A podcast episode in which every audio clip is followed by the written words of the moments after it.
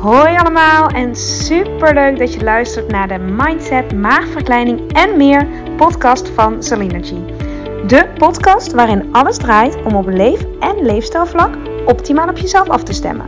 Deze podcast is voor iedereen, maar al helemaal als je overweegt, bezig bent of ervaring hebt met een traject van een maagverkleining of een andere intense fase van je leven die uitnodigt tot persoonlijke groei en die je volop wil benutten om er alles uit te halen wat voor jou belangrijk is en waar je zelf invloed op hebt.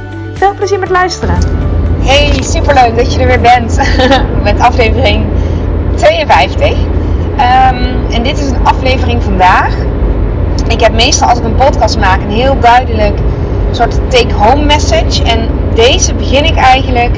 Ehm, ja, ik neem je even mee in een soort in een inzicht dat ik uh, afgelopen weken had. En uh, vragen die ik mezelf aan het stellen ben. En ik heb dus niet per se de antwoorden. Um, maar ik wil je wel even meenemen in, het, in dit proces. Omdat ik denk, ja dat is zo, zoals altijd. Omdat ik denk dat er minimaal één iemand hier misschien wel iets aan kan hebben. Um, en dat merkte ik ook toen ik hierover vertelde in mijn directe omgeving. En het is een best wel een groot onderwerp. En um, ja, daarom, het zijn echt allemaal vragen die je zelf kunt stellen. En wel interessante processen die ja, helderheid kunnen geven in hoe jij in het leven staat. Hè? Dus echt zo groot. En waarom soms dingen niet lukken. Dat is ook super boeiend. Hè? Als er een patroon is waar je herhaaldelijk tegenaan loopt, dat je denkt: waarom? Waarom ben ik, kom ik elke keer weer op dit punt uit? En waarom is dit blijkbaar, waarom is dit voor anderen zo makkelijk? Of lijkt dit voor anderen totaal niet aan de orde te zijn? En is dit voor mij wel steeds een, een, een issue? En die, nou, daar gaat het in de strekking over. Dus um, het is niet per se een hele luchtige aflevering, denk ik. Maar wel eentje ja, die mij echt aan het denken zet en aan het voelen zet. Dus, sit back and relax. Um, bij mij begon het in het jaar 2020, eigenlijk toen ik moeder werd. Toen, het was in 2019, um, ja, merkte ik dat er, um, mijn ouders zijn gescheiden. En zonder daar nou heel erg diep op in te gaan, merkte ik dat, dat, is, dat is gebeurd toen ik heel klein was. Ik was echt heel erg jong. en ik kreeg dus nu zelf een kind. En ik, merkte aan mijzelf dat ik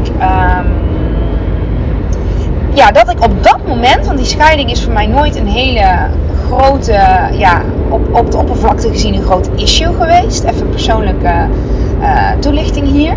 Maar ik merkte wel dat toen ik zelf kinderen kreeg, misschien herken je dat als je ook ouder bent, dan schuif je een rolletje op. Hè? Je bent niet alleen meer een dochter of een zoon, maar je bent ook in één keer een moeder en een vader. En wat bij mij dat ook teweeg bracht, is dat ik ja, op een andere manier ging kijken ook naar het gezin waar ik uitkwam wat het mij opgeleverd heeft of wat het mij geleerd heeft. En ook de dingen die ik zelf hetzelfde zou doen of die ik anders zou willen doen. Dat, even in vogelvlucht bracht dat um, het ouderschap echt bij mij naar voren. Omdat je, ja, nou ja, simpelweg dat eigenlijk. Kort gezegd, je schuift een, een rolletje op. Schuift een, uh, een plek op. En ik vond dat ik, ik, vond dat echt een proces. Ik vond dat, een, ik vond dat interessant. Ik vind het ook interessant. Want ik, ik zit natuurlijk helemaal in dat stukje ja, mindset, persoonlijke ontwikkeling, bewust leven. En als je dan een kind krijgt, dan gebeuren er van allerlei dingen waar, waar je aandacht naartoe gaat. En ik merkte in mijzelf dus ook verschuivingen.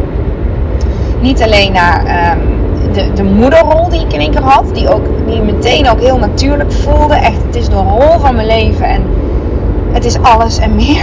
Oh. Maar ook de rol die ik in één keer als, ja, een andere rol, die, een andere verhouding die ik naar mijn ouders had en die mijn ouders naar mij hadden en hebben, um, bracht dat dus een aantal dingen teweeg. En ik vind het dus, en alles kwam voorbij. Van puur geluk en euforie en, en immense dankbaarheid. Ook naar, naar, naar levensvragen en ook naar, ook naar verdriet hoor. En ook naar um, ja, je dingen vooral afvragen, ver, verwondering of um, die de kaarten opnieuw nieuw schudden.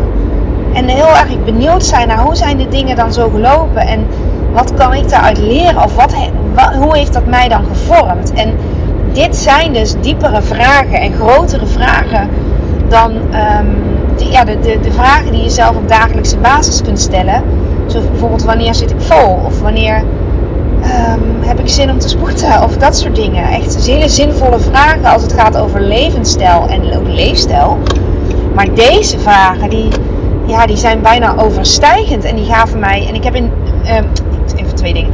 Um, uh, die, die, ik, die stel ik mezelf en die hebben mij ook heel veel gebracht door ze me te stellen.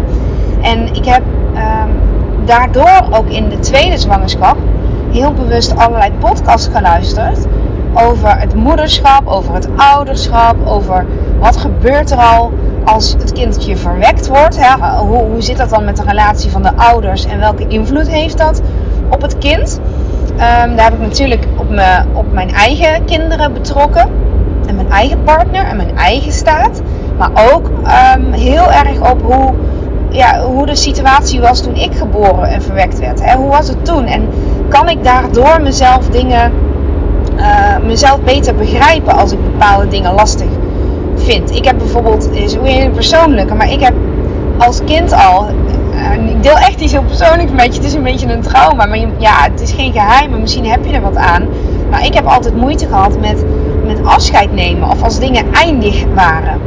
Het einde van de week bijvoorbeeld, of het einde van een vakantie, of uh, als iemand wegging. En nou dat, ik, ik, ik heb dat misschien heeft iedereen dat wel in meerdere of mindere mate hoor. Maar ik had dat extreem, dat ik dat moeilijk vond.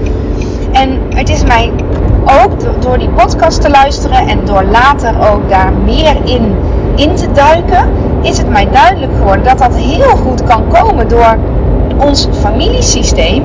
En uh, hoe, ja, hoe mijn geschiedenis is, puur voor mij persoonlijk. Maar niet alleen voor mij, maar ook wat bij ons in de familie nog meer is. En um, ja, heel interessant eigenlijk. Want daardoor, door dat te weten, uh, krijg je, ik tenminste, veel meer rust. En ook heel veel compassie voor mijn eigen familie en voor mezelf.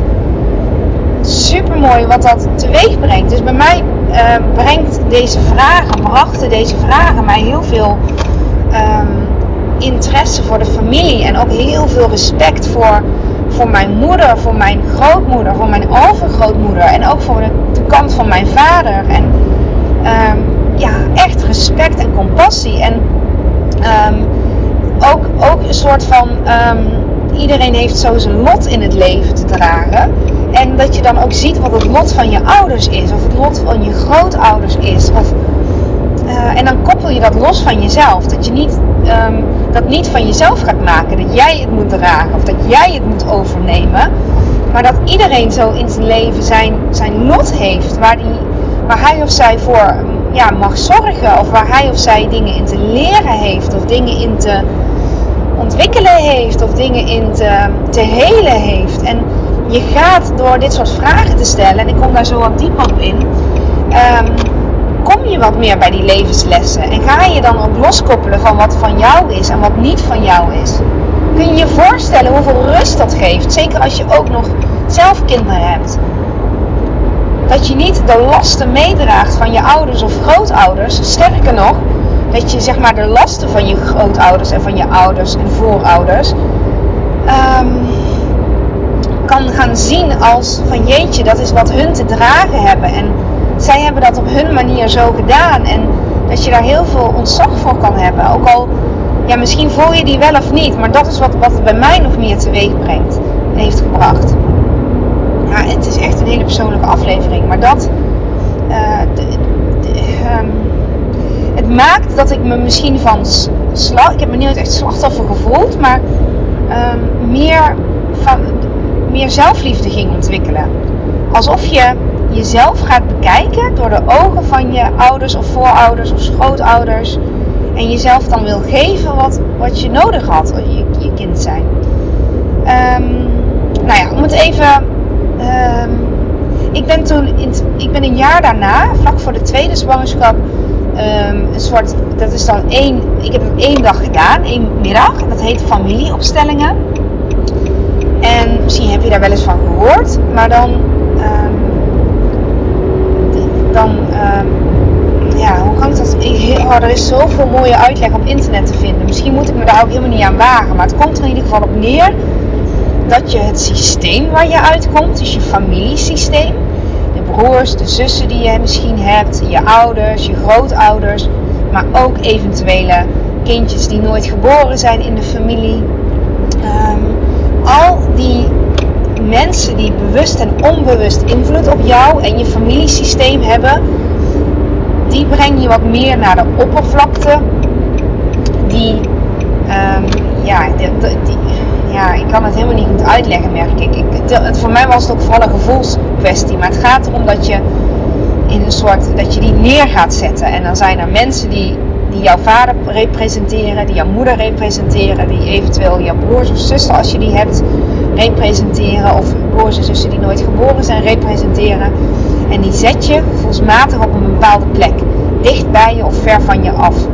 En het geeft door die puzzel te leggen, want het is een soort puzzel. Het kan heel veel inzicht geven in waar jij staat en waar je ouders staan voor jou. En vooral waar, wat, je, wat niet van jou is en wat wel van jou is. En waar jij, ja, het brengt dingen meer naar de oppervlakte. En ik kan daarbij dus zeggen dat uit ervaring dat dit soort dingen best confronterend kunnen zijn. Niet per se leuk kunnen zijn. Maar mij gaf het wel heel veel inzicht en heel veel rust en heel veel compassie en nog meer liefde voor mijn ouders en voor mijn broer. Ehm, omdat het is een soort berusting van iedereen heeft, iedereen doet wat hij of zij doet. Iedereen kan wat hij, dat geloof ik echt, ehm, ja, heeft, heeft gedaan. En dan, kom je, dan ga je ook helemaal niet denken in een, ik, ik ben iets tekort gekomen of in een slachtoffer. Ja, dat is het. Je komt uit een slachtofferrol als je die al voelt. En je gaat zelf veel meer staan voor jouw plek. En die is zo, zo groot. Ik kan dit wel van de daken schreeuwen. Je gaat, het heeft mij, dit heeft het mij enorm gebracht. Je gaat veel meer in jouw plek staan. Voor jouw plek staan die jij hebt. En die, oh, ik kan daar bijna emotioneel van worden. Maar die vind ik echt zo belangrijk. En um, ik heb dit in 2020 gedaan en gaf mij toen al heel veel. Um, ja, eigenlijk gek dat je dat dan met heel weinig mensen maar deelt. Terwijl dit zoveel mensen kan um, helpen of, of helen of goed kan doen. Dus vandaar dat ik nu wel van de dagen schreeuw in deze podcast. Voor iedereen die hier um, iets mee kan of mee wil of nieuwsgierig geworden is van hoe dit voor jou kan werken. Daarom wil ik dit delen. En uh, dit was in 2020, dus twee jaar geleden was dat. Was in augustus, nee, was in september. September was het. En ik las onlangs het boek De Fontein van Els van Stijn. En dat boek, De Fontein, heb ik ook op Instagram iets over gedeeld. Want daar, daar legt zij dus echt heel mooi uit aan de hand van een metafoor, een fontein, hoe dat werkt. Um, om jouw plek in het familiesysteem te, te vinden. Hè? Dus niet dat, het komt misschien regelmatig voor dat je de neiging hebt om voor jouw ouders te gaan zorgen. Of misschien irriteert het je als jouw kinderen voor jou willen zorgen. Dat je denkt, ja, dat hoef je niet te doen, want uh, ik ben hier de grote. En dat is wel interessant, want dat is ook mooi. Dat is ook heel natuurlijk. Dat jij als ouder heb je ook de rol om voor je kind te zorgen. En jij hebt als kind weer de rol om klein te zijn ten opzichte van je ouders. En even los van als je mantelzorger bent, of niet los van, uh, dan kan het nog steeds en-en. Of welke reden dan ook voor je ouders zorgt, dat is er ook. Maar dan vanuit je kindrol en niet weer boven je ouders gaan staan. Want dat is weer de plaats van je, van je uh, grootouders. Ik hoop dat je me zo kan volgen. Maar dit boek, uh, als, je het, als je hierin geïnteresseerd bent, als dit onderwerp je ergens raakt, raakt of je hebt het gevoel dat, dat dit wel eens de, de sleutel kan zijn, of de missen, het missende puzzelstukje in jouw leven, waardoor je elke keer tegen hetzelfde aanloopt, dan is die kans best wel aanwezig dat het iets is wat in jouw familiesysteem speelt en wat terugkomt en wat misschien iets, iets is wat helemaal niet van jou is. Maar wat jij wel overneemt van je ouders of grootouders, omdat jij het opvult. Omdat jij het goed wil doen. Omdat jij die lege plek die misschien ontstaan is, wil invullen. Of dat jij misschien iets wil compenseren wat tekort komt. Want als kind, en ik herken dat, voel, voel je dat enorm. Hè? Je voelt alles en je wil niks liever dan je ouders gelukkig maken.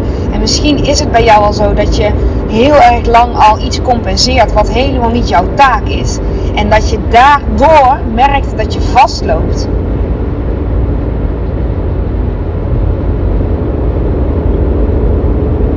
Die. Ik vond dit zo, uh, zo groot. En ook de relatie tot je broer of zus. Dat je dan meer herkent van, oh, daarom is het zoals het is. Of daarom loopt het zo. En niet, in, niet altijd in het negatieve. Hè? Dit, kan ook, dit kun je ook horen en bevestigd worden. In, oh, daarom... Um, ja, daarom heb ik zo'n fijne, ongedwongen band met mijn uh, broer of met mijn zus. Omdat mijn ouders ook hun conflicten altijd uitpraten, om iets te noemen. Of andersom. Daarom heb ik met mijn broer of zus steeds hetzelfde waar we, waar we tegenaan lopen. Omdat dit ook iets is wat bij mijn ouders speelt. En misschien is, hè, eh, lossen wij iets op of compenseren we iets voor wat wij helemaal niet hoeven. Het, dit nodigt enorm uit om met een andere blik te kijken en met compassie te leren kijken naar je eigen gezin. Zonder boos te worden dat je iets tekort bent gekomen of dat, iets, dat ze iets anders je hadden moeten geven. En dat boek omschrijft dat dus zo mooi. Want die, die, zij zegt ook iets van, ja, daar had je misschien wel recht op gehad. We hebben allemaal recht op overvloed van onze ouders en grootouders. Maar en deze, is, deze, kan, deze kan op veel manieren vallen bij je hoor. Maar ik zeg even zoals het in het boek staat. Je ouders hebben, uh, gegeven wat ze kunnen geven. Uh, blijkbaar en dat ze alleen al jou het leven hebben gegeven, dat alleen al hè. En ik voelde die heel erg naar mijn eigen ouders. En inclusief waar ik ze, wat misschien zeg maar tussen haakjes tekortkomingen zouden zijn. Maar ik ervaar het niet zo of niet meer zo. Of eigenlijk, ik heb het zo nooit ook echt ervaren. En heel interessant, want ik ben een kind van gescheiden ouders. Maar waarom heb ik dat niet ervaren als tekortkoming? Anderen hadden, zagen dat bij mij altijd als een tekortkoming. Als van, oh, wat, wat zielig of wat dan ook. Maar zelf voelde ik dat niet zo. En ik heb ook mijn dingen die, ik, die bij mij dus altijd terugkomen. Dat wel. Ik ga ook niet ongeschonden door de strijd. En um, dat stukje wat ik in het begin noemde, dat, dat moeilijk dingen, ja, afscheid nemen. Dat, ik weet nu waar dat vandaan komt. En dat is zo'n geschenk aan mezelf. En door het te weten is het dan nog niet weg of heeft er niemand schuld dat het gaat niet over schuld. Hè? Het gaat niet over schuld. Het gaat niet, ik kan niet vaak genoeg zeggen, het gaat over verantwoordelijkheid nemen voor de plek die jij hebt. En daar ook gaan staan. En dat doe je door verantwoordelijkheid te nemen. Dat doe je door de verantwoordelijkheid te nemen. En dat heeft bij mij zoveel goeds gebracht voor mijn familie. En nog meer kunnen putten uit die bron van liefde die er is. En um, wat ze wel gegeven hebben en die ik ook echt kan ontvangen.